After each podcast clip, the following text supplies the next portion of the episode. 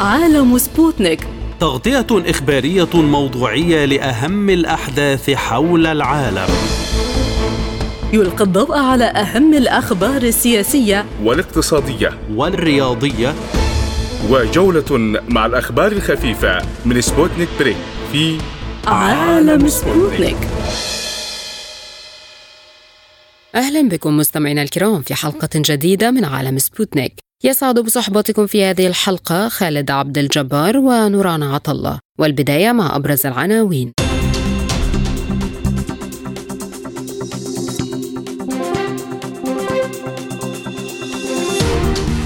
تواصل الاشتباكات بين الفصائل الفلسطينية والقوات الإسرائيلية المتوغلة في قطاع غزة. وغانتس يقول نواجه صعوبة في غزة ودموعنا تتساقط عند رؤية جنودنا يتساقطون. ترقب أمريكي إسرائيلي لحديث نصر الله والجيش الإسرائيلي يعلن استهداف مواقع عسكرية لحزب الله جنوبي لبنان بلينكين يقول إن أمريكا ستناقش مع إسرائيل الخطوات التي ينبغي اتخاذها لحماية المدنيين في غزة. أنصار الله تقول إن أمريكا تسعى لإشعال المنطقة بإصرارها على مواصلة الهجوم الإسرائيلي على غزة. تصاعد المواقف العربية المطبعة مع إسرائيل تباعا فبعد الأردن البحرين تؤكد قطع العلاقات بينما إسرائيل تنفيه. صادرات إسرائيل من الغاز الطبيعي تنخفض 70% بعد إغلاق ثاني أكبر حقل بحري.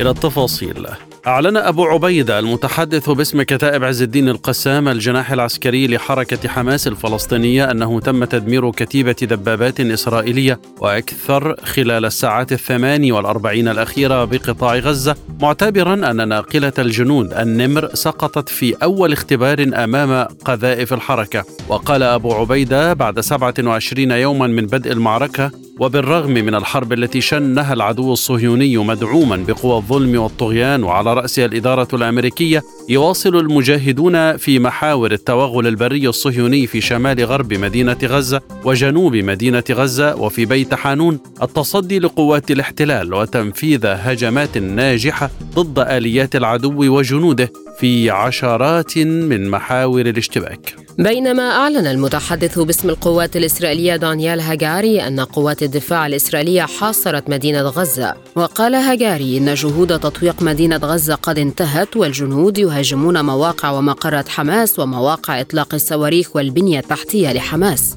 وقال هاجاري إن الجيش الإسرائيلي يواصل توسيع عملياته البرية في قطاع غزة وينشر قوات إضافية هناك. من جانبه قال عضو كابينت الحرب الإسرائيلي الجنرال باني جانس إن إسرائيل تواجه صعوبة كبيرة في الحرب بقطاع غزة وإن الحرب قد تطول. ونقلت إذاعة الجيش الإسرائيلي عن عضو مجلس الحرب وزير الدفاع الإسرائيلي السابق باني جانس قوله إن دموعنا تتساقط حينما نرى جنودنا وهم يتساقطون. من بيروت ينضم إلينا الدكتور هشام جابر رئيس مركز الشرق الأوسط للدراسات الاستراتيجية. دكتور هشام هل يمكن الوصول إلى معلومات حقيقية بينما يعلن الطرفان تحقيق خسائر كبيرة في الطرف الآخر؟ اولا فيما يتعلق بالمعلومات يعني نعرف العدو الإسرائيلي لا يفصح ابدا عن خسائر اطلاقا إلا بعد حين يعني لاسباب عديده منها يتذرع أنه أهالي الجنود يجب إبلاغهم بطريقة سلسه ومنها بعد ذلك الرقابة العسكرية لا تسمح بنشر الخسائر بأسباب سياسية تتعلق أيضا بالمعنويات الداخل لذلك لا يمكن معرفة الحقيقة من الجانب الإسرائيلي، أما الجانب الفلسطيني فعندما يستطيع بعد أن قطعت الاتصالات يعني أن يهرب افلاما إلى الخارج يعني. والكل يعني تعرف مرسلو الفضائيات لا يزالون تصلهم إلى حد كبير أخبار صحيحة. هم فعلا آه، يتكبد خسائر قلنا منذ البداية هو سيدخل أرض آه، حتما ستكون مقبرة له. حتى الآن يتجنب إلى حد كبير الدخول إلى المدن بل على مداخلها. ودخل بالأول اليوم الأول على مناطق زراعيه ومع مع رغم ذلك والمناطق المكشوفة هي لصالح الجيش النظامي لأن تسمح له بالمساندة الجوية. أما القتال القريب والاجتحام فهو حتما ليس لمصلحته. وكل ما اقترب كل ما فوجئ بكذا. نحن علمنا إنه عندما توغل واعتبر حاله اعتبر إنه حقق إنجاز 2 كيلومتر خرج إليه عليه المقاومون من ضواحي المخيمات من الأنفاق ويعني اوقعوه في كمين ولديهم سلاح مضاد الدروع وفي شجاعة مطلقة وحصل قتال متخارج هذا أما بالنسبة للخسائر بالعدد لا يمكن لأحد التأكد منها ومن حرفيتها إلا إذا صرح العدو الإسرائيلي كما صرح منذ ثلاثة أيام أن سقط له سبعة قتلى في عند الدخول الأول. وسبعه قتلى هم في اثنين آه، يحملون آه، جنسية يعني جنسية أمريكية أو أو شيء من هذا القبيل، لأنه كما تعلم كثير من الإسرائيليين الجنود منهم يحملون جنسيتين، نعم. لكن أبو عبيدة قال إن مجرد تقدم قوات إسرائيل في مناطق أحرقتها تماما يعتبرونه انتصار، هل هذا صحيح؟ هم يعتبرونه انتصار يعني ونحن قلنا أن هدفهم الأساسي تقطيع اسرائيل غزه، هم يعتبر هم يسعون إلى الانتصار، يسعون إلى إلى إنجاز عسكري.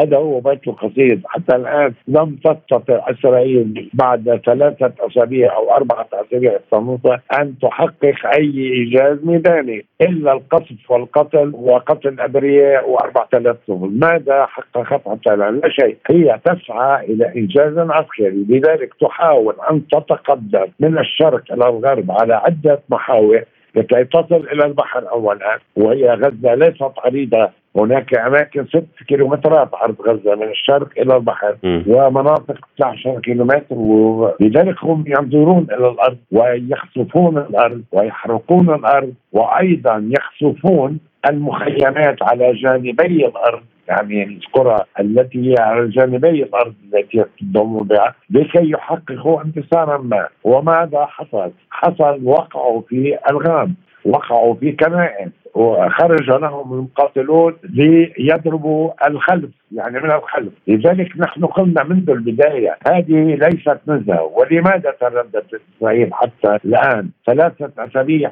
حتى قامت بعملية برية لماذا؟ لأن ذلك خوف من هزيمة وهم يتوقعون الهزيمة ونتنياهو شخصيا قال إنها مؤلمة وكأنه يعيش الشعب إلى خسائر بشرية كبيرة. وقلتم ماذا قال وزير الدفاع؟ نعم. هم يعتبرون أي شيء أي تقدم انتصار انتصار جائز. نعم. لكن هل يتسق قول جانس إن دموعهم تتساقط عندما يرون جنودهم يتساقطون مع قوله إن حصيلة قتلاهم عشرين جنديا فقط؟ لا لا تتفق اولا. بعدين عندما هم يعترفون بعشرين يجب أن تقول أن هنالك أكثر من 60 غير العشرين مصابون. وجرحى وسمعنا من الجانب الإسرائيلي أن عشرة مصابون في درجة خطرة يعني كأنهم يهيئون الرأي العام لإبلاغ الشعب الإسرائيلي أنه آه، تلقوا يعني لا لا لا تنصدموا من هذا الخبر. هم يحاولون تسريب خسائرهم بالتخطيط بالتدريج حتى لا يشكل صدمة على الرأي العام. حتى حتى قضايا ما لم يتحدثوا عنها يعني قضية الأسرى الأسرى أو الرهائن تقول مصادر فلسطينية أنه مات منهم حتى الآن 30 آه، أو 40 ما في عدد محدد إسرائيل لم تعلق ولم نسمع بينما مشكلة الرهائن والأسرى هي مشكلة يومية. اليوم بالضغط على الحكومة الإسرائيلية هناك مفارقات غريبة. نتنياهو وجانس يتحدثان بأسلوب به حزن عميق فكيف يؤثر ذلك على المعنويات في حربك هذه؟ آه، حتما حتما. هذا الشيء اولا اولا المعنويات يعني منذ 7 أكتوبر وحتى 8 أكتوبر فقط خلال 24 ساعة الكل يعلم أن المعنويات هبطت إلى مستوى منخفض جدا في الجيش الإسرائيلي وفي الشعب الإسرائيلي كمان. لذلك هلأ المعنويات دخلوا في حرب برية مباشرة. لا أنا أفهم منذ البداية منذ صراعنا في البلاد مع إسرائيل أنهم يخفون يخفون عدد آه، الإصابات سواء كان قتلى أو كان جرحى عندما تنتهي الحرب يكشف كل شيء وتبدأ عملية البحث عن آه، الرفات والجثث إذا كان ما تركت المعركة. بعد انتهاء وقت عند انتهاء وقت إطلاق النار في غزة. سنرى العجائب يعني البحث عن الرفات والمعنويات. وهذا أنا أفهمه جيدا لأنه هلأ هم دخلوا في معركة ليس من صالحهم كلما سقط منهم قتلى أن يعلنوا على راي العام، هذه سياستهم سياسة خاصة بهم عقيمة صحيحة أو خاطئة أنا لا أريد ان احكم عليها لأن مجتمعهم صغير جدا واليوم يكفيه رئيس آه، الحكومة آه، مشاكل في الداخل ومظاهرات وأهالي الاسرى الذين يطالبون كل يوم.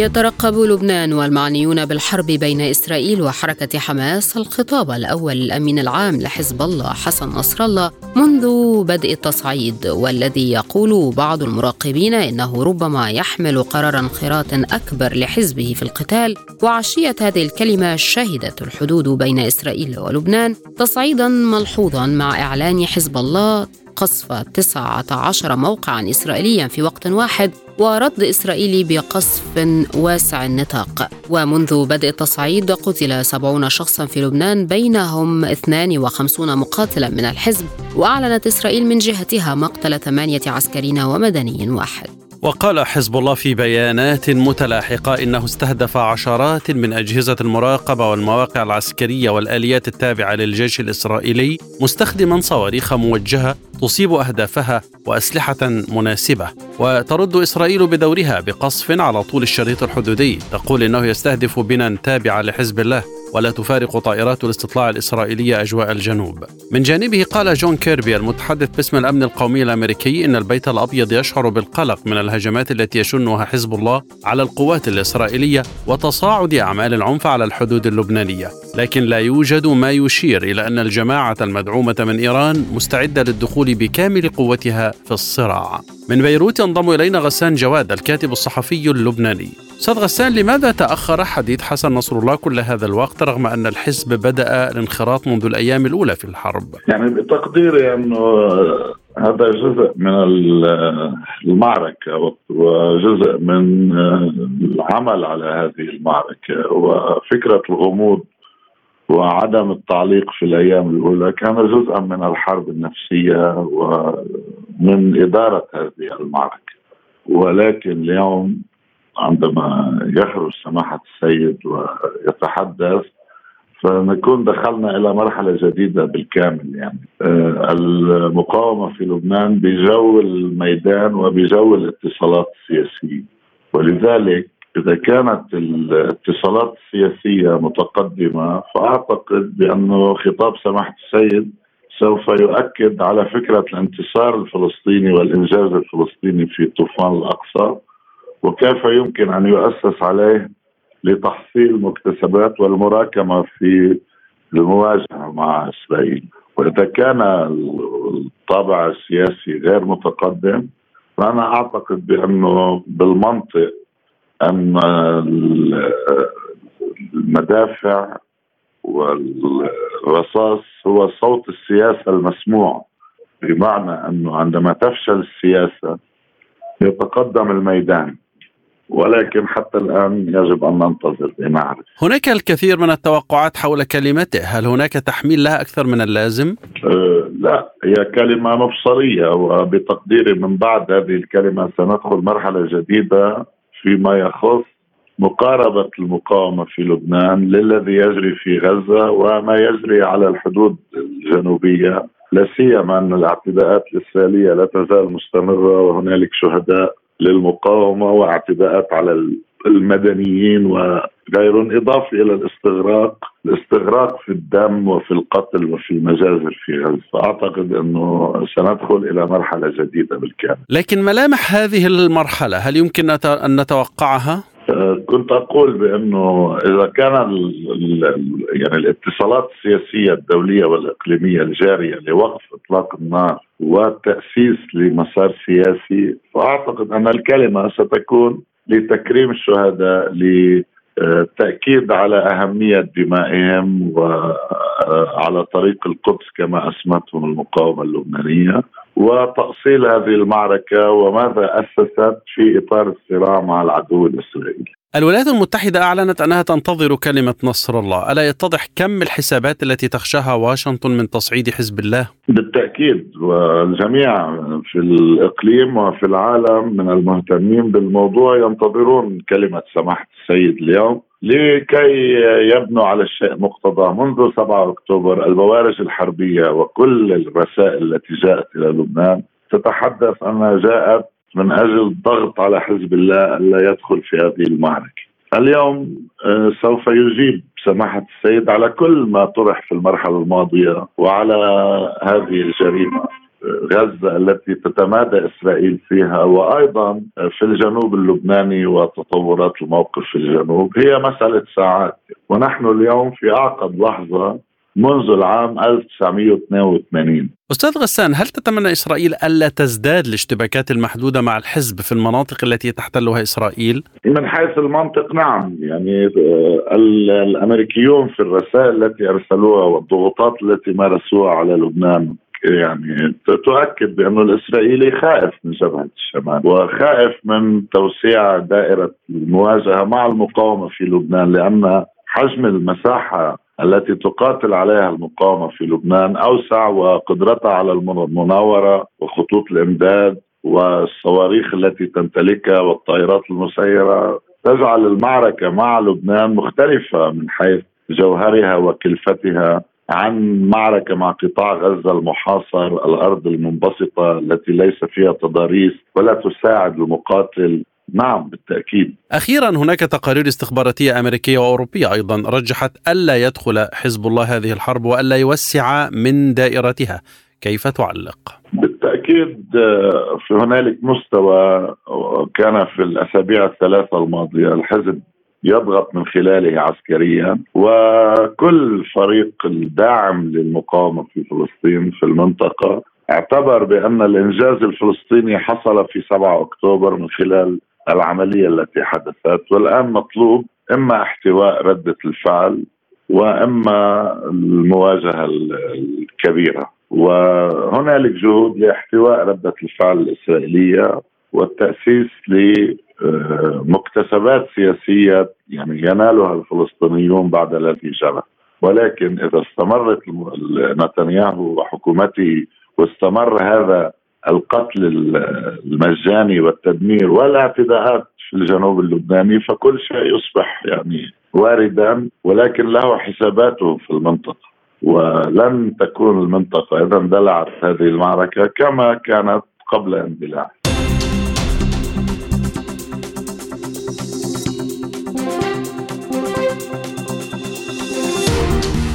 أعلن وزير الخارجية الأمريكي أنتوني بلينكن أن أمريكا تعتزم أن تناقش مع إسرائيل خطوات محددة تهدف إلى تقليل الخسائر بين السكان المدنيين الفلسطينيين. وشدد وزير الخارجية على أن أمريكا ملتزمة بتقليص الخسائر في صفوف المدنيين، لكنه رفض مناقشة تفاصيل المفاوضات المقبلة مع السلطات الإسرائيلية. وبدأ بلينكن زيارة جديدة إلى إسرائيل الجمعة كما يزور الأردن أيضا في زيارة هي الثالثة في أقل من شهر دعما لإسرائيل ومحاولة لتخفيض نبرة التصعيد العربية ضد ما تقوم به كما يبحث جهود الإفراج عن الرهائن المحتجزين لدى حماس. ورغم كل الضغوط على الولايات المتحدة ومشاهد القتل الجماعي للمدنيين في غزة وفي قلبها مئات الأطفال يوميا فإنها ما زالت ترفض وقف إطلاق النار وتدافع بقوة عن إسرائيل. وهو ما أكده المتحدث باسم الأمن القومي الأمريكي جون كيربي قائلا إن الرئيس الأمريكي جو بايدن لا يعتقد أن تصرفات إسرائيل في غزة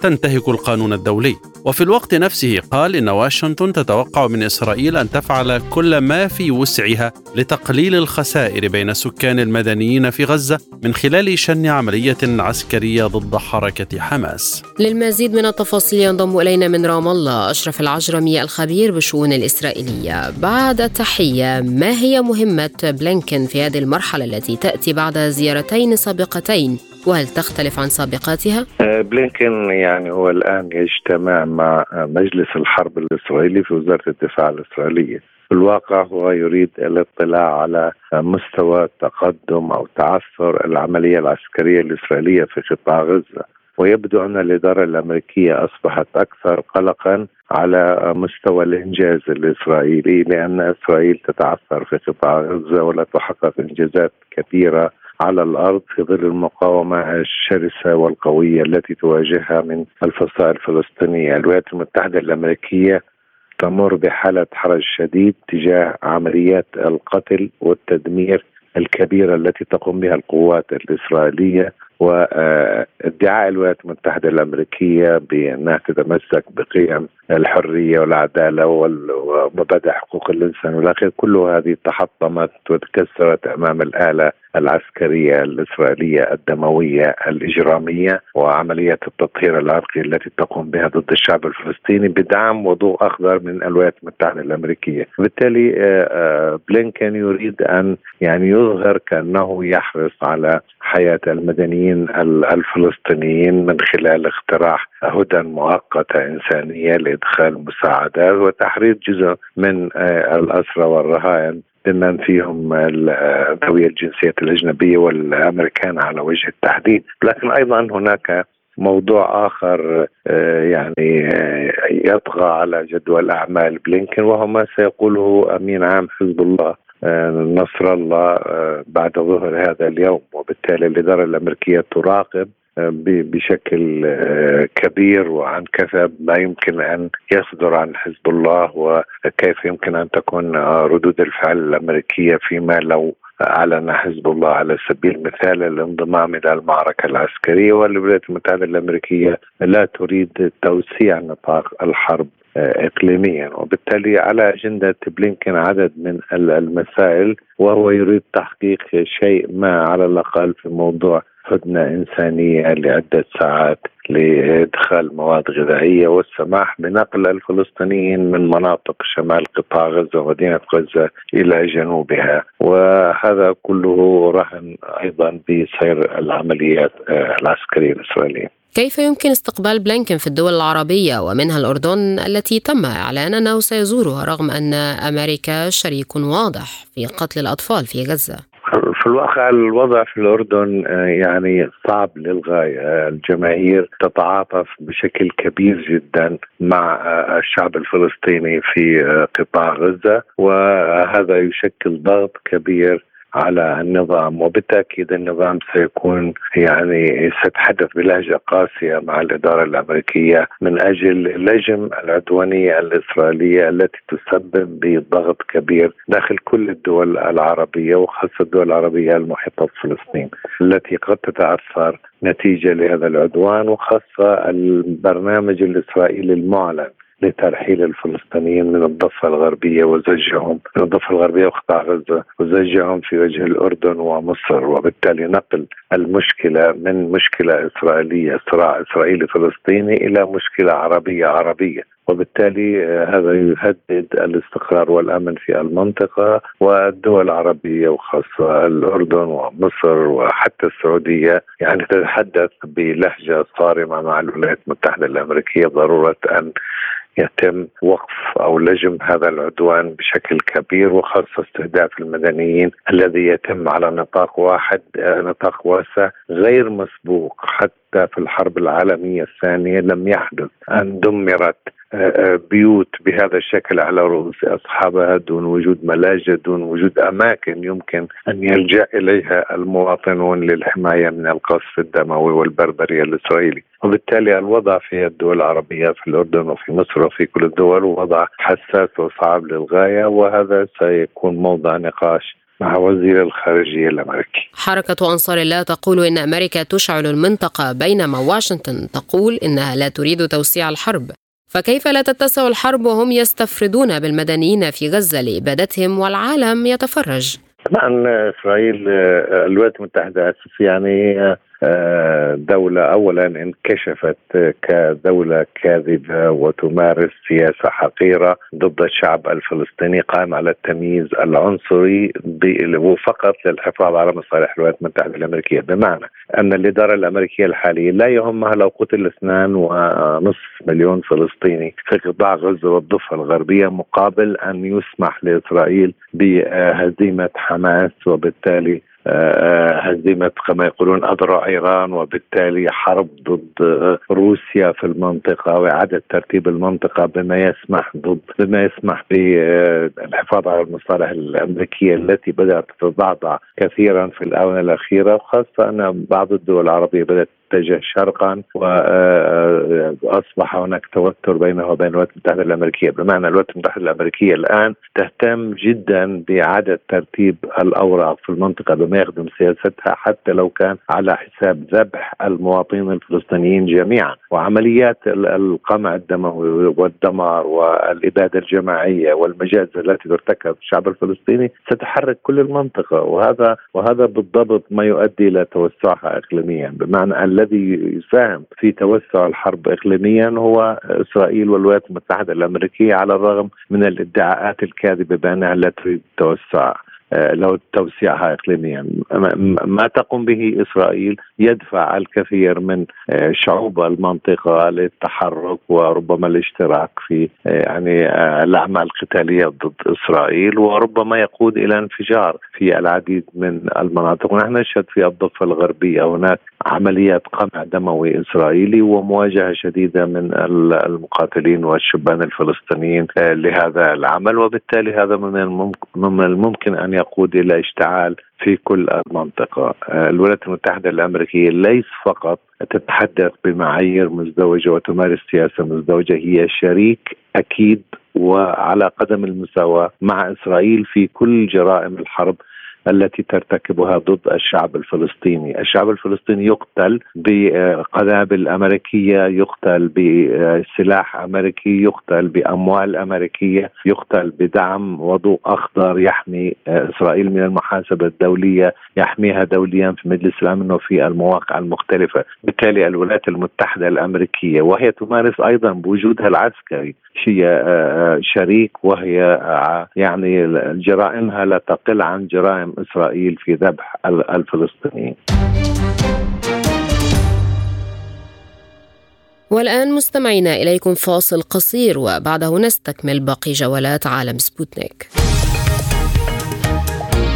عالم سبوتنيك يغطي جميع الأحداث السياسية والاقتصادية والرياضية حول العالم على مدار ساعة تتابعون عالم سبوتنيك مع أهم خبراء التحليل السياسي والاقتصادي. نقترب معكم في متابعة دقيقة من القضايا السياسية والاقتصادية، كما نستعرض أهم الأخبار الرياضية والفنية والبيئية. انتظروا عالم سبوتنيك أيام الجمعة والسبت والأحد من كل أسبوع. ملفات ساخنة. برنامج يسلط الضوء على أهم القضايا الحرجة في العالم. في ملفات ساخنة نستعرض القضايا مع جميع الأطراف ومن كل الزوايا لاستجلاء الحقيقة. ملفات ساخنة يستضيف أهم الخبراء وأجرأ الضيوف. تابعوا ملفات ساخنة مع راديو سبوتنيك أيام السبت والثلاثاء والخميس من كل أسبوع. أهلا بكم مجددا في عالم سبوتنيك.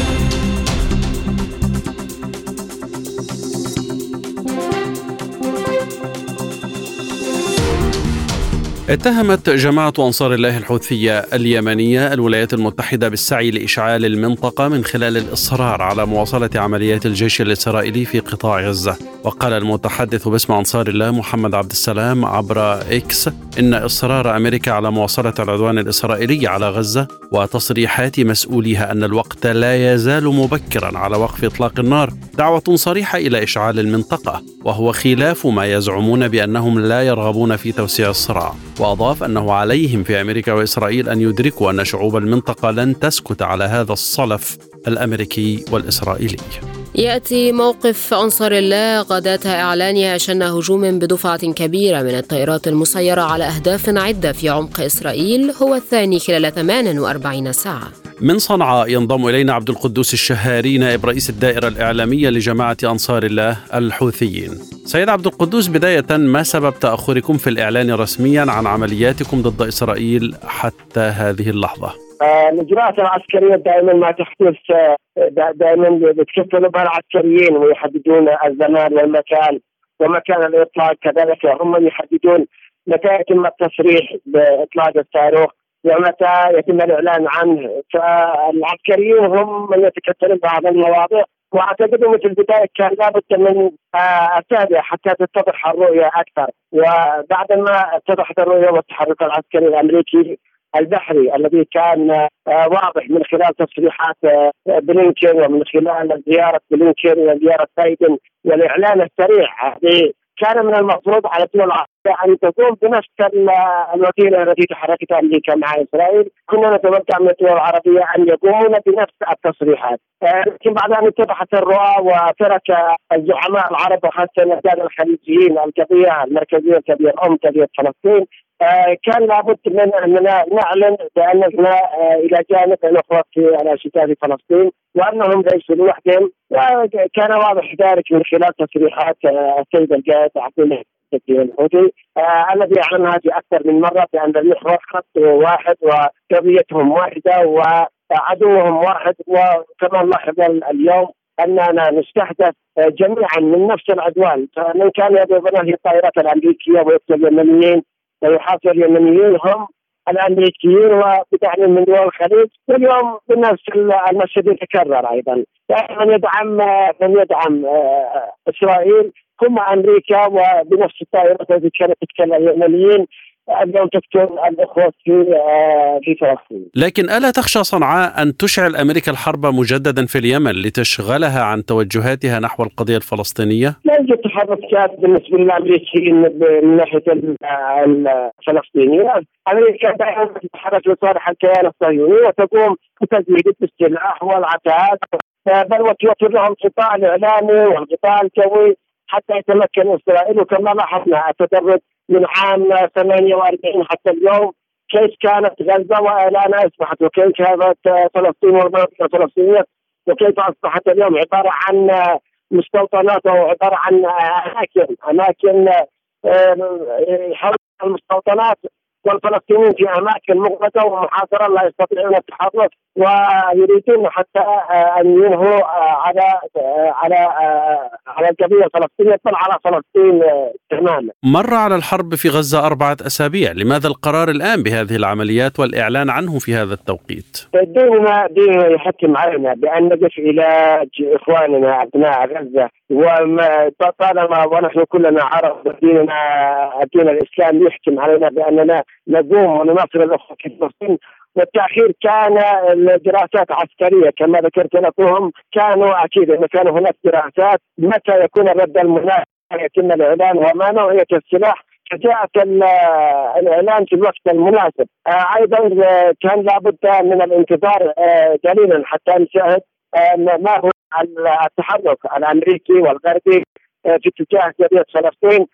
اتضحت أكثر وكان لابد من الرد. وأكيد أن هناك من يقود المحور آه، في العمليات العسكرية وهناك تناغم وانسجام في العمليات المتتالية التي تارة تضرب من العراق وتارة من حزب الله وتارة من اليمن وهذا هو آه، هو يعتبر مصدر قوة بالنسبة للمحور وبالنسبة للقضيه الفلسطينية. إسرائيل أستاذ عبد القدوس حاولت زرع فتنة بين اليمن ومصر التي أصيبت بسبب صواريخكم، لما لا تكون هناك دقة في توجيه الصواريخ؟ إسرائيل آه، حاولت أن تضرب آه، مصر باليمن وذلك عن طريق كما علمت أن هناك ضربة مسبقة كانت قد ضربت إحدى أبراج المراقبة المصرية ثم تلتها الضربة الثانية التي تم اتهام اليمن في هذا لا يوجد عندنا اي تصريح تسليم بيننا بل تحاول إسرائيل أن تزرع الفكرة بيننا؟ وان تتخلص من آه من غريم قوي وهو اليمن تريد أن تتخلص منه عن طريق المصريين الذي ظهر موقفهم المتخاذل والذي لا لم لم يلبي طموحات الشعب المصري آه، وهذا ما ما نتج عنه. كانوا يريدون أن يضربوا اليمن بما. البعض يقول إن مجرد إطلاق الصواريخ يعود بالضرر سياسيا على الفلسطينيين، هل من خطوات أخرى؟ آه، كما سمعت خطاب السيد عبد الملك آه، سلام الله عليه عندما قال نحن نتابع الوضع حين كتب ولن نبخل على القضية الفلسطينية بقدر ما نستطيع. سوف ندعمها بالسلاح وإن استطعنا أن نكسر الحدود أو المناطق الجغرافية التي توجد بيننا حائل بيننا وبين فلسطين فإننا سنقاتل أكيد. لكن المناطق الحدودية والجغرافية وبعد المسافات تحتم علينا بأن نقوم باستراتيجيه عسكريه معينه حتى نصل إلى الأراضي المقدسه كي نحررها من من العدوان الصهيوني. حسن نصر الله أعلن عن خطاب له، هل تعدد الجبهات ضد إسرائيل يمكن أن يشكل ضغطا لوقف الحرب؟ نلاحظ أن هناك ضربات قوية على الشعب الفلسطيني، وهناك حرب إبادة ونحن كعرب وليس كيمنيين المفروض كأمة إسلامية المفروض أن نتحرك أن نتحرك وأن نكون في جد المسؤولية التي وضعها الله سبحانه وتعالى فينا. بالنسبة للتحركات التي تلاحظها الأمريكية كان لابد أن نقوم جميعا أن نقوم جميعا بوقف تلك التحركات وأن نعدد من عدد من العناصر المختلفة طالما وهي مصدر قوة وهي ورقة سيد المحور لماذا لا تستخدمها؟ تم هنا وكانت انها تنضرب الامريكيين من هناك وفي الأخير نصل إلى نتيجة أمريكا الآن هي في موقف مأزق حقيقي وخطير وفي منزلق خطير أمريكا. أمريكا الآن تعاني في في سمعة سلاحها والتي سقط خاصة بعد الحرب الأوكرانية أمام السلاح الروسي. الذي استطاع السلاح الروسي أن يرتع السلاح الأمريكي وأن يفشله وكما نلاحظ أيضا أن هناك خسائر اقتصادية قد تصل إلى 280 مليار خلال السنتين الأخيرتين. هذه الأرقام تدل على أن أمريكا تعاني وتتعزم أيضا الانقسام الداخلي في آه، ما بين الجمهوريين والديمقراطيين وأيضا فيما بينهم من الداخل. هذه الانقسامات وهذا الخسائر وهذا آه، الهبوط الذي تشهره الذي تشهره أمريكا هو ما يجعلنا آه، جميعا ان نواصل وأن نشد على نمشي على نفس المسار حتى تتوقف. لأن إذا سقطت أمريكا بالتأكيد أمريكا تسقط أمريكا هي هي الراعية وهي الحامية للكيان الصهيوني، الكيان الصهيوني هش وضعيف وجبان وقد لاحظنا كيف كانوا يهربون؟ في المعارف كيف كانوا يهربون من الأصوات ويلجؤون إلى الملاجئ بالرغم أنها صواريخ متباعدة إلا انها كتبت في قلوبهم الرعب وهذا آه، وعد الله ونحن نعتبر وعد الله وسنبذل سنبذل قصارى جهدنا. بان نمشي على الخطه الاستراتيجيه التي رسمها الله سبحانه وتعالى في كتابه باذن الله سوف إلى النصر العظيم وتطهير القدس من الإسرائيليين. البعض يرى أن ما قمتم به مجرد استعراض إعلامي تم بالاتفاق مع حلفاء إسرائيل، كيف تعلق؟ دع الميداني سوف يخبرك بالإجابة الوضع الميداني وانتظر لخطاب السيد حسن نصر الله فقد تجد فيه الجواب التي سوف يسكت جميع أهلها تقصد أن ما تقوم به المقاومة غير خاضع للموائمات السياسية؟ لم أقول هذا الكلام نهائيا. قلت لك هناك تحرك على الأرض وهناك أعمال كثيرة لكن أمريكا وإسرائيل دائما ما تقلل تقلل من الانتصارات. مثل ما مثل ما الآن أمريكا تقلل من الانتصارات الروسية في أوكرانيا ومن التحركات ومن السلاح الروسي. آه، تقلل من من أهميته وتقلل من الانتصارات. أيضا تقوم بنفس العمل مع المقاومة. تقوم أيضا بأن العملية شكليه وأن هناك اتفاق سياسي. قد يكون الغرض منه هو زعزعه الجبهه جبهه المحور لكن المحور هو أكبر وأقوى من وأقوى من التصريحات التي تصدر من الكيان الصهيوني أو من أمريكا. آه، هناك ترتيبات قوية وعالية وعلى مستوى وعلى مستوى الوطن العربي وقد تتغير خريطه الشرق الأوسط ولذلك على أمريكا وإسرائيل ان أن ينتخبوا وان وأن لا يتغطرسوا مرة أخرى وأن يعطوا الفلسطينيين حق حقوقهم في الأرض وفي وفي البلاد حتى يتمكنوا ان يعيشوا كمواطنين يمتلكون السيادة ويمتلكون القرار لا كعبيد محاصرين في مناطق محصورة. هل يمكن في مرحلة تالية استخدام باب المندب في هذه الحرب؟ أكيد كل الأوراق التي نستطيع أن نستخدمها في سبيل القضية الفلسطينية لن ندخل على القضية الفلسطينية بشيء ومستعدون أن نذهب لو فتحت لنا الطريق سوف نذهب لنقاتل اسرائيل ونجاهد جنبا إلى جنب مع إخواننا الفلسطينيين. فما بالك بباب المندب أكيد ستعم الفوضى. إذا لم تتوقف إسرائيل ستعم الفوضى في المنطقة. ونلاحظ أن الجميع يحلل المحللين السياسيين. كلهم يقولون هذا الكلام بأنها تكون حرب آه، عالمية قد تكون حرب إقليمية قد تتضمن العديد من المصالح. ولذلك يجب على إسرائيل أن تتوجه. الأوضاع تغيرت والموازين القوى تغيرت وأصبح لدى أبناء فلسطين الآن قوة للردع وسوف يصلون إلى آه، طلقه بطلقه وصاروخ بصاروخ. آه، كما فعلوا مع اليمن. كنا لا نمتلك شيء. ولكن بدون الله وصمود الرجال وصمود المجاهدين والقياده الحكيمه أن نصل إلى مرحله مرحلة توازن. وقد قمنا بعمليات الردع خلال خمس عمليات. والآن الحمد لله وصلنا إلى امتلاك آه، السلاح وأصبح هناك تفاوض حقيقي آه، مرغم آه، على السعودية. وذلك لأن هناك توازن حقيقي في السلاح. وهذا ما سوف يحدث في إسرائيل إذا لم تسحب و... و... وتنسحب من الأراضي الفلسطينية. أخيرا ما هو مردود حرب غزة على خطوات السلام في اليمن؟ لماذا توقفت مساعي السلام الآن مع الجانب الآخر؟ والله آه لا تستطيع الاجابه على هذا السؤال سواء اللجنة اللجنة التي تفاوض التي هي الآن عن طريق الوساطه العمانية ولا امتلك هذا الموضوع آه لا أستطيع أن ارد على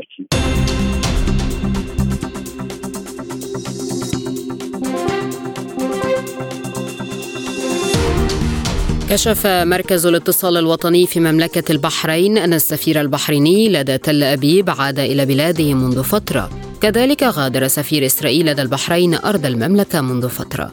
وأوضح المركز أن كلا السفيرين غادرا منذ فترة نظرا لتوقف الطيران المباشر بين مطار البحرين الدولي ومطار تل أبيب منذ عدة أسابيع وفقا لصحيفة الأيام البحرينية وكان مجلس النواب البحريني أعلن في بيان له أنه تم وقف العلاقات الاقتصادية مع إسرائيل تأكيدا للموقف البحريني التاريخي الراسخ في دعم القضية الفلسطينية والحقوق المشروعة للشعب الفلسطيني الشقيق الذي أعلنه جلالة الملك في جميع المؤتمرات والمناسبات. بينما نفت الخارجية الإسرائيلية أن يكون عودة السفراء لها أي جانب خلافي بين البلدين وقالت إنها جاءت طبيعية.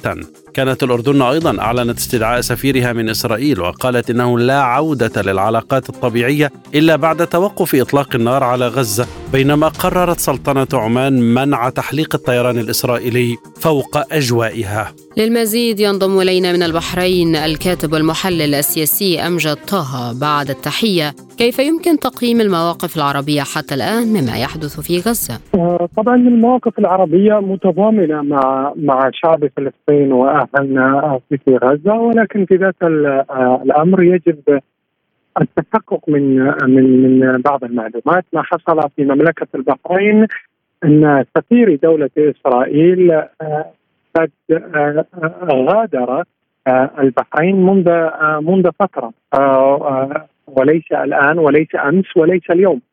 أما فيما يخص آه، عودة سفير البحرين كذلك من من من تل أبيب قد حدث ذلك آه، قبل آه، فترة منذ فترة بسيطة وليس لا يوجد طرد للسفيرين ولا سحب للسفيرين ولا وقف للعلاقات تماما، العلاقات الإسرائيلية مستمرة مع مع الدول ولكن ما حصل فعلا وهو موجود وحقيقي.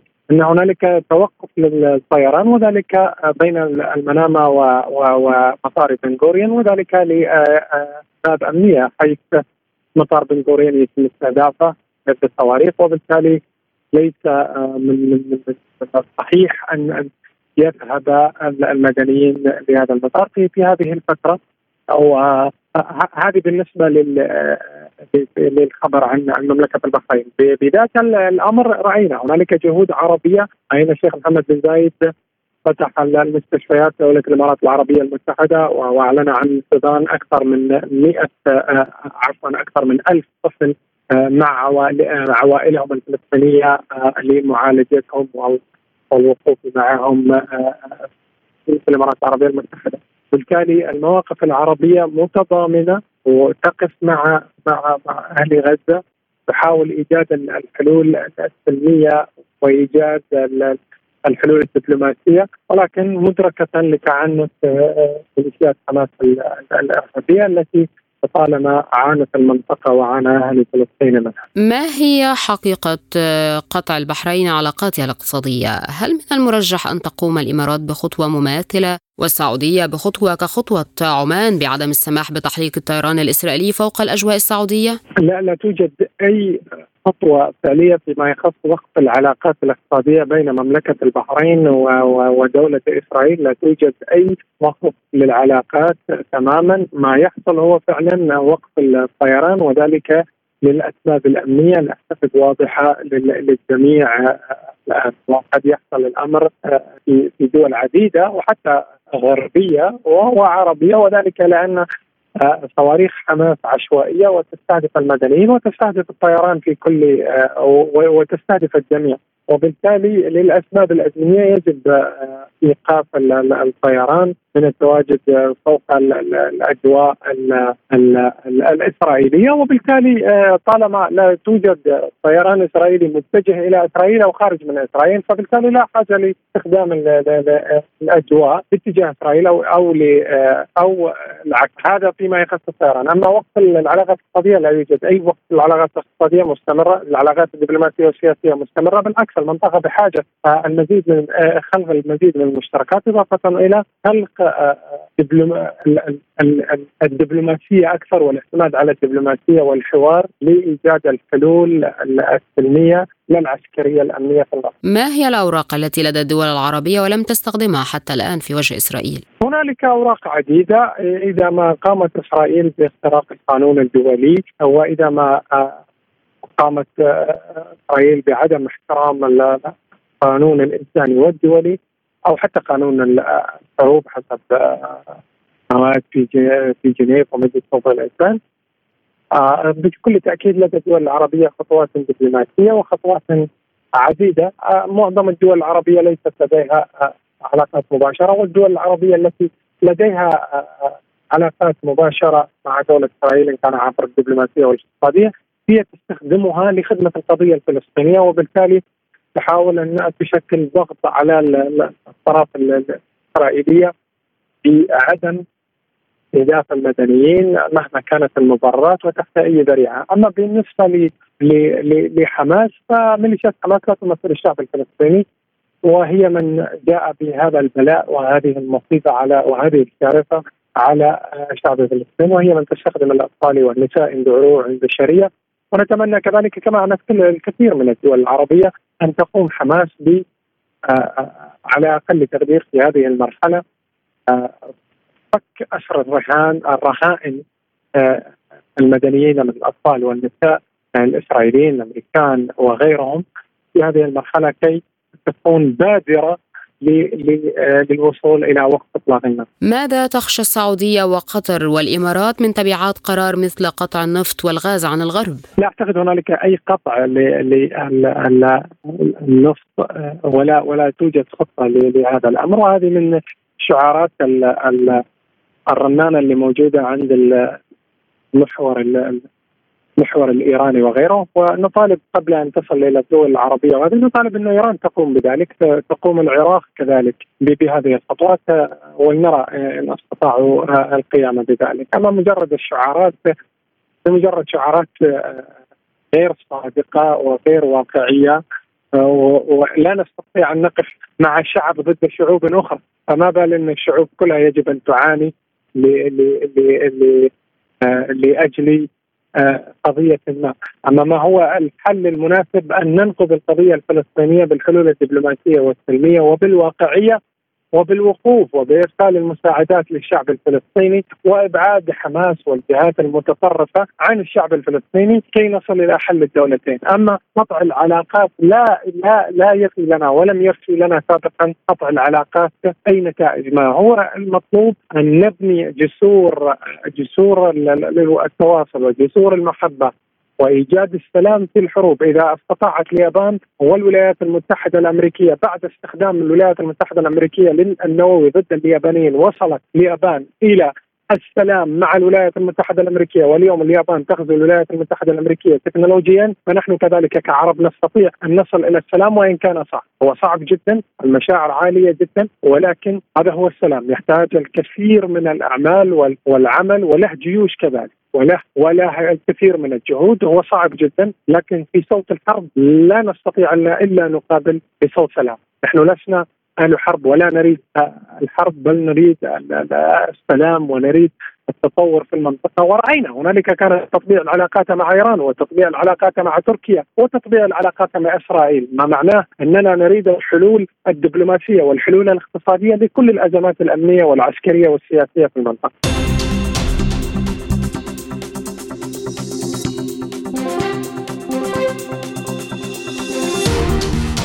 هوت صادرات إسرائيل من الغاز الطبيعي بنسبة 70% بعد أن قررت إغلاق حقل تمار إثر انطلاق عملية طوفان الأقصى. وتسبب إغلاق حقل تمار في خسائر اقتصادية بلغت نحو مليون ومئتي مليون دولار في الشهر. وفقا لتقرير صادر عن شركة المحاسبة والاستشارات BDO إسرائيل تبعا لموقع ديفايد سكورز ولفت كبير الاقتصاديين في الشركة شين هيرزوغ إلى أن التقرير أعد بتكليف من شركاء تمار ومن بينهم شيفرون وإسرامكو كما تم تقديمه إلى مجلس الأمن القومي الإسرائيلي. ويعد تمار ثاني أكبر حقل بحري في إسرائيل إذ قام بتوريد 8 مليارات و700 مليون متر مكعب من الغاز إلى السوق الإسرائيلية العام الماضي 2022 بالإضافة إلى مليار و57 مليون متر مكعب أخرى تم تصديرها إلى مصر والأردن بينما يعد أكبر حقولها ليفياثان مخصص في الغالب للتصدير. وعلقت إسرائيل الإنتاج في حقل تمار في التاسع من شهر أكتوبر تشرين الأول الماضي بعد وقت قصير من تصاعد القتال مع حركة حماس الفلسطينية في قطاع غزة.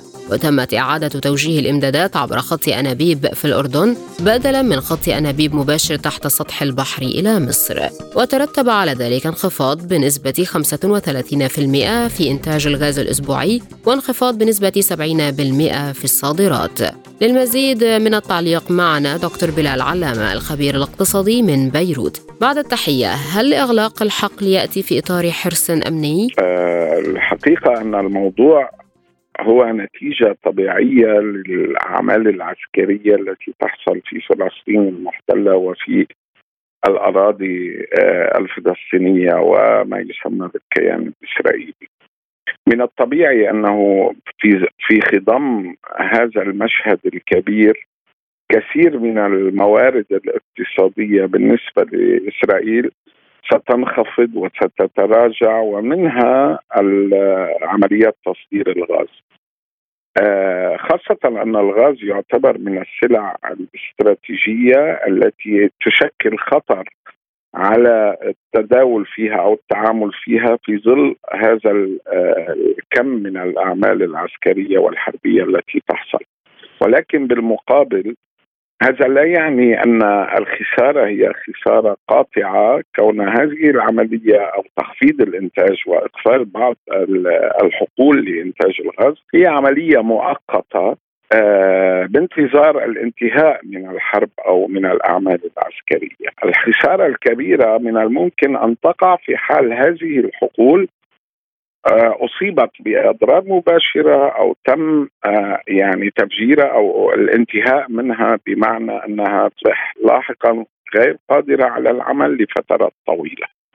الاقتصاد الإسرائيلي اليوم يعاني من خسائر جمة ليس فقط في حقول الغاز إنما أيضا في قطاعات أخرى كالسياحة والصناعة والإنتاج الزراعي وغيرها. لذلك أنا أعتقد أن هذه المرحلة آه، هي مرحلة ستسجل الكثير من الخسائر ولكنها مرحلة مؤقتة بانتظار أن نرى المشهد في نهاية الأمر. كيف تؤثر هذه الخسائر الاقتصادية على الداخل الإسرائيلي؟ من المعروف أن الكيان الإسرائيلي آه، يرتكز بشكل أساسي على ما يسمى الريع الذي تقدمه الدولة الإسرائيلية للمستوطنين وللشعب الإسرائيلي.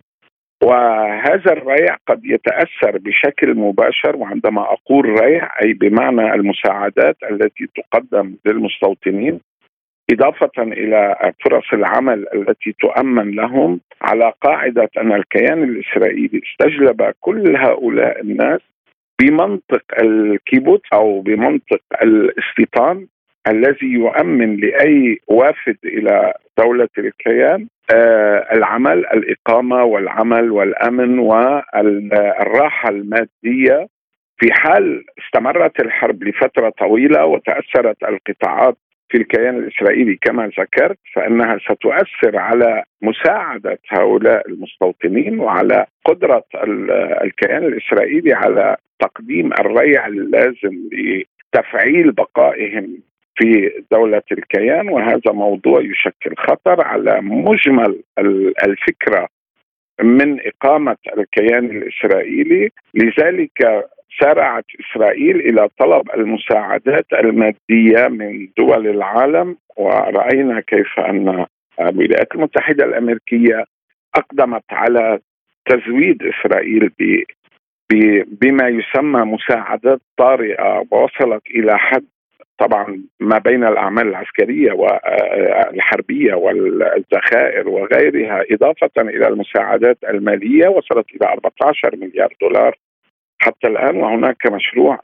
تقدمت به الاداره الامريكيه أمام الكونغرس لمزيد من المبالغ كي يتم مساعدها مساعدة الكيان الإسرائيلي وقد وضعت تحت خانة مساعدة أوكرانيا و الكيان الإسرائيلي ولكن أنا أعتقد أن الهدف الأساسي من هذا المشروع وطلب هذه الأموال بنسبة عالية هو لمساعدة الكيان الإسرائيلي والشعب الإسرائيلي لأن عدم تقديم المساعدات كما ذكرت سيعرض كل هذا الكيان برمته من خلال الفكرة الأساسية إلى الاضطراب الداخلي وإلى البدء المستوطنين التفكير الجدي بترك هذا الكيان والرحيل إلى الدول التي وردوا منها أو وفدوا منها. هناك من يقول إن إسرائيل تضغط على مصر بوقف الغاز عنها. لا لا أعتقد أن أن مصر اليوم آه، تخضع للتهديدات الإسرائيلية ولا أعتقد أن أن الجمهورية المصرية أو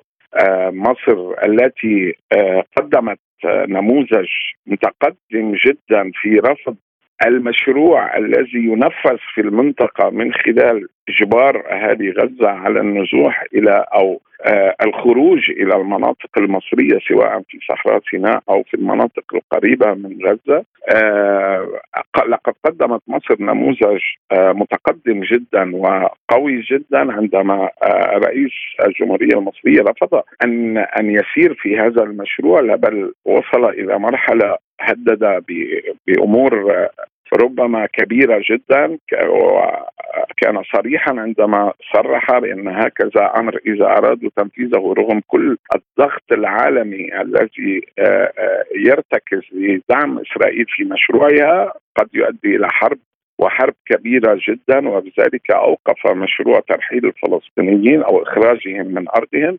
آه وبناء عليه نستطيع القول أن حتى التهديدات التي تطال قطاعات أخرى بالنسبة لمصر غير صالحة وغير وغير منطقية ولكن من الطبيعي كما ذكرت في حالة الحروب أن كثير من القطاعات إما تخفف إنتاجها إما آه، تعيد تموضعها آه، كي لا تتعرض لأضرار مباشرة أو لعمليات آه، كبيرة تؤدي لاحقا إلى ضرب القطاع بالكامل أو تأخير إعادة عمله لفترات طويلة جدا تقدر بسنوات. وانطلاقا من هذا الواقع فأنا أعتقد أن انقطاع الغاز أو عملية التقطع التي تحصل هي ناتجة عن الأجواء العسكرية والحربية التي تحصل. ولكن ولكن بنفس الوقت نحن نقول أن على مصر أن تعالج مشكلة الانقطاع آه، بالنسبة للأراضي المصرية. وهذا شيء آه، يعني ضروري وحيوي. اليوم مصر تعتبر آه، السند لذلك أنا أعتقد أن مصر عليها أن تبادر أيضا إلى معالجة هذه الثغرات وهذه الأمور كي تكون فعلا قادرة على مواجهة هذه المرحلة آه وبأقل خسائر ممكنة أو أقل ضرر ممكن وعندما أقول أقل ضرر ممكن الضرر الناتج عن اشتعال الحرب أو الأعمال الحربية في المنطقة. للمزيد زوروا موقعنا على الإنترنت سبوتنيك dot ae إلى اللقاء.